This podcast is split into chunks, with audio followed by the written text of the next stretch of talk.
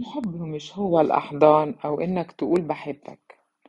الحب هو إنك تكون مع ناس براحتك وهم يكونوا معاك براحتهم. الحب إنك تسمعهم ويسمعوك. الحب إنك تشاركهم فرحهم قلقهم ألمهم. الحب إنك تهتم بيهم ويهتموا بيك. هو ده الحب.